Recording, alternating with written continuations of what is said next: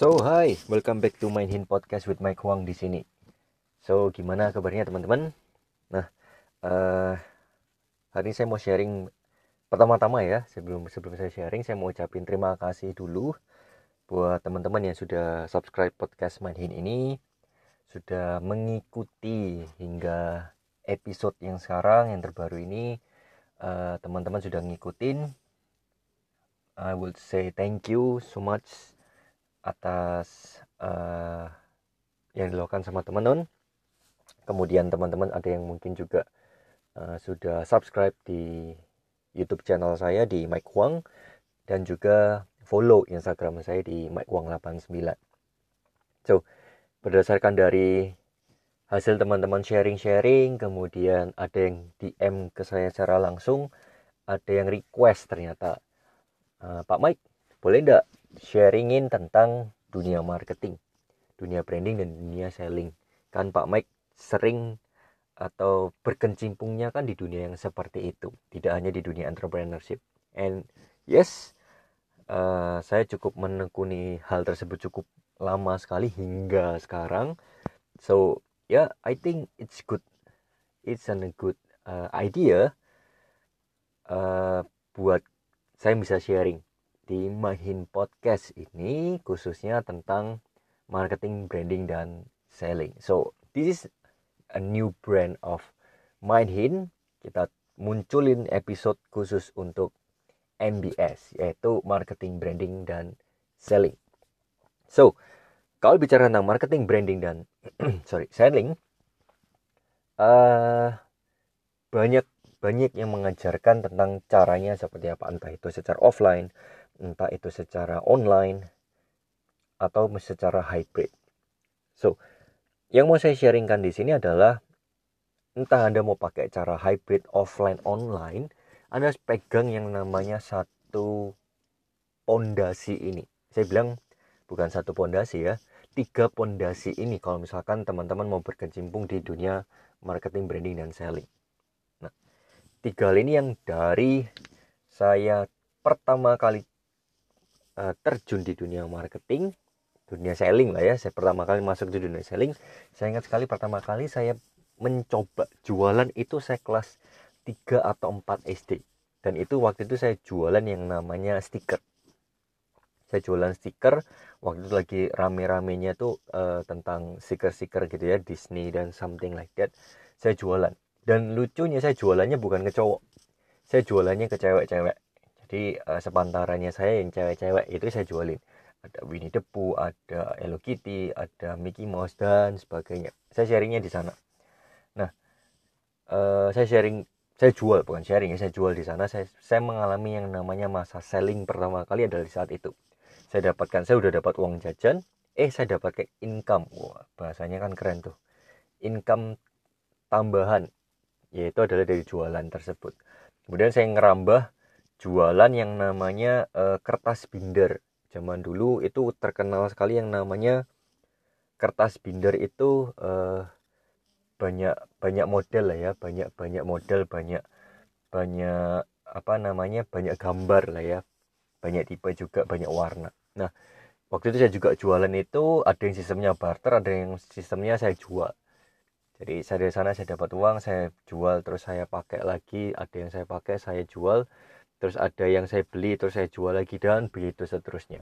Akan ada yang sampai saya buat oh ini limited loh ini limited edition something like that lah. Ya, padahal itu kertas gitu ya. Saya jualan kertas seperti itu. Hingga akhirnya saya terjun secara profesional ya nggak profesional juga sih secara marketing gitu ya. Saya ngalami yang namanya dunia marketing. Pertama kali adalah di tahun 2007-2008 waktu itu adalah sebagai seorang uh, maklar. Ya distributor network marketing lah ya. Paling bahasa gampangnya. Tapi itu kan kalau bahasanya marketing adalah makelar gitu ya. Jadi saya nggak produksi barang saya nggak perlu rebranding barang saya nggak perlu produksi. Saya, tugas saya adalah cukup uh, proses distribusi barangnya aja atau uh, memperbesar market size dari perusahaan itu seperti apa. Nah itu tugasnya dari distributor waktu itu ya network marketing. Nah dari sana saya ngalami yang namanya proses uh, membangun marketing. Saya bilang bukan marketing ya tapi jualan. Nah itu di situ. Kemudian uh, di tahun 2012 kalau nggak salah oh sorry 2013 2014 itu uh, saya bangun yang namanya toko ya butik lah ya. Nah itu saya ngalami yang namanya proses untuk nge-branding bisnis kayak gimana nge-branding uh, nge-branding produk seperti apa kemudian jualan itu seperti apa promosi itu seperti apa itu saya ngalamin langsung secara langsung. Oke okay, let's say ya bukan saya cuman bertahan dua setengah tahun dua setengah tahun akhirnya uh, diluluskan gitu ya diluluskan.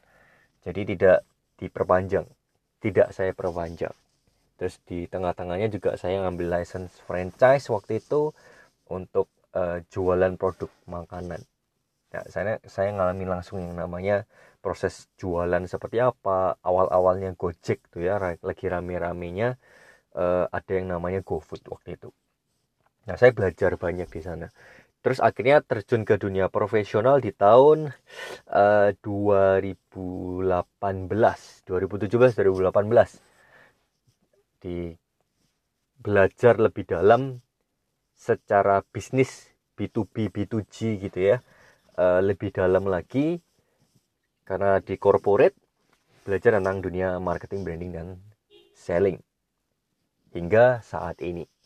Nah dari perjalanan tadi teman-teman dari saya kecil kemudian saya hingga saya dewasa hingga saat ini saya belajar bahwa marketing itu punya tiga pondasi yang sangat penting sekali nggak harus kita pelajari. Bisnis apa pun itu, jasa, produk, atau hybrid, gitu ya, distribusi, apa pun itu. Tiga hal ini yang paling penting teman-teman. Saya bilang bisa dibilang uh, pondasi kalau misalnya produknya kita ini pengen laris di pasaran.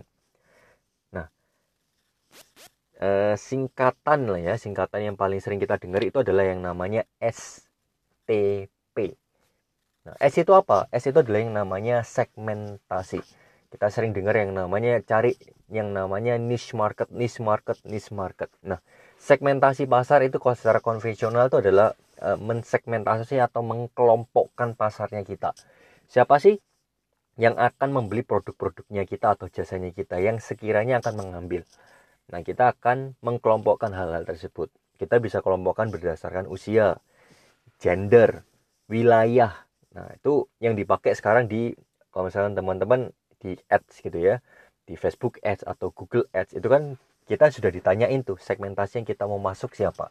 Jadi saya percaya bahwa tidak ada produk untuk semua orang.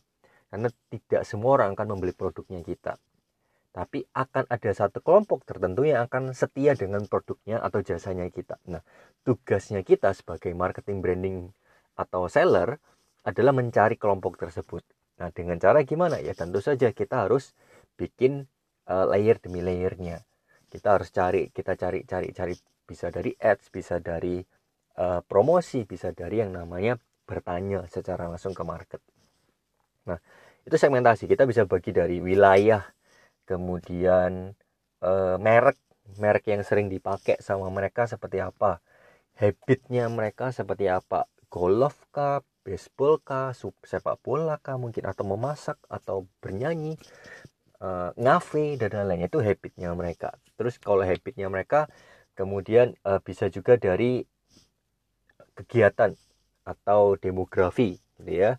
Demografi yang bisa kita masuki yang mana. Ternyata wah produksinya saya makanan apalagi gitu ya. Uh, apalagi yang makanan-makanan tipe-tipe makanan basah.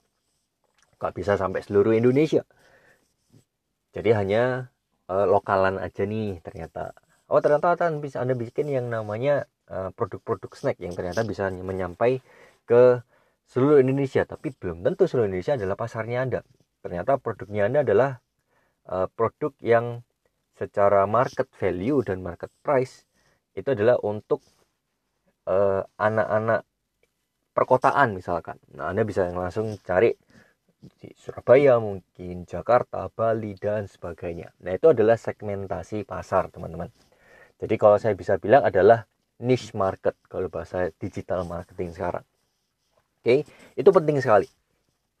Pertama itu ada yang namanya S, segmentasi. Nah, yang kedua ada yang namanya T. T ini apa? T ini adalah targeting, teman-teman. Target, target marketnya kita apa? Setelah kita udah tahu segmentasi pasarnya kita apa, kalau bahasa gampangnya ini adalah makro niche-nya kita ini apa. Nah, kita harus mencari mikro niche-nya dari segmentasi tersebut. Kita breakdown atau kita bedah lagi yang namanya pangsa pasarnya kita tadi. Oke, cewek-cewek usia sekian sampai sekian. Oh, ternyata yang kehidupannya adalah sebagai seorang wanita karir. Wanita karir kemudian masuk lagi uh, ternyata khusus untuk baju-baju wanita karir yang ibu rumah tangga juga misalkan.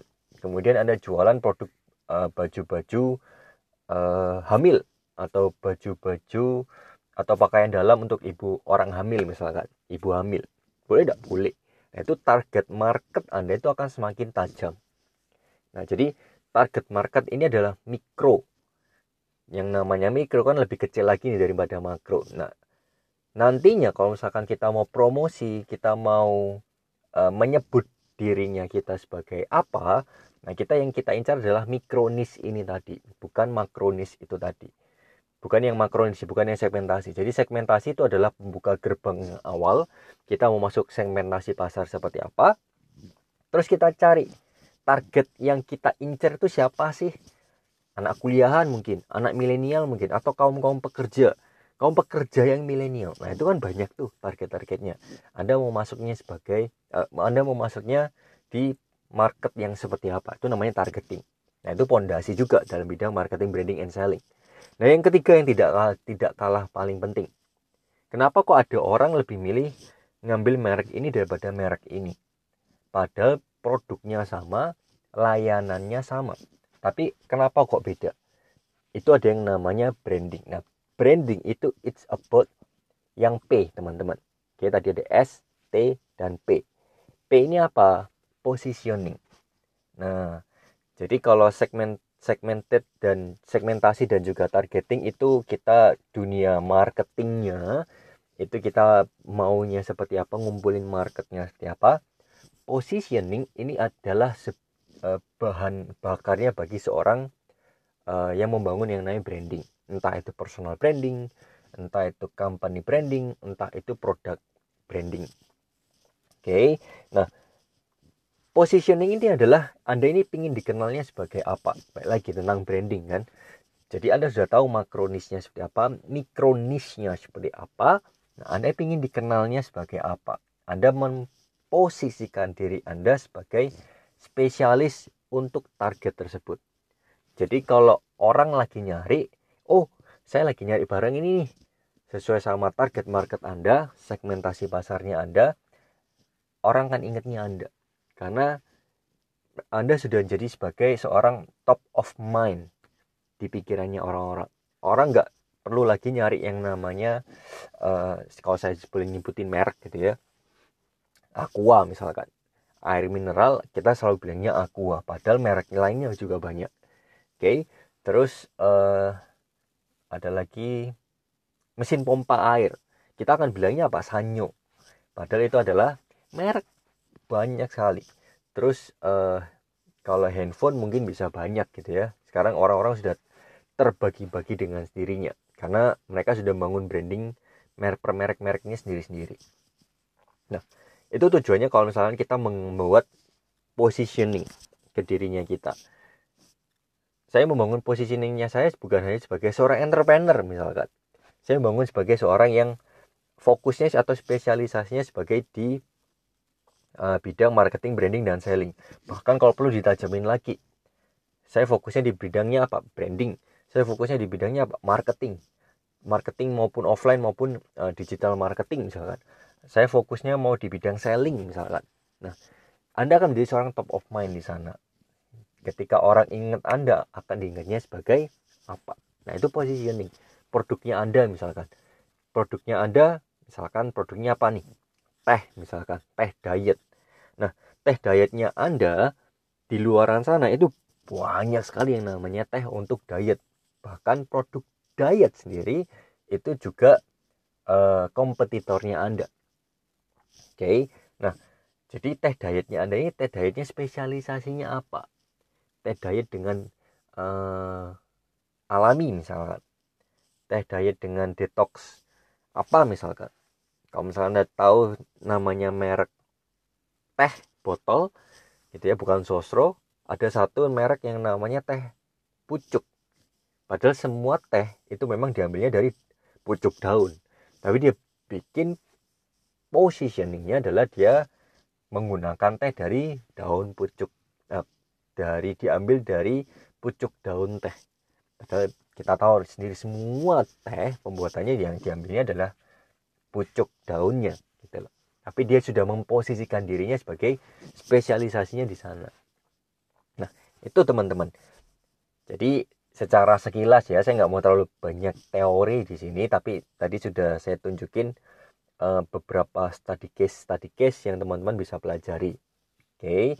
nah nanti kita akan belajar lebih dalam lagi tentang yang namanya atau kita gali lebih dalam lagi tentang yang namanya dunia marketing branding dan selling dengan pondasinya yang tadi yaitu adalah S, T, dan P.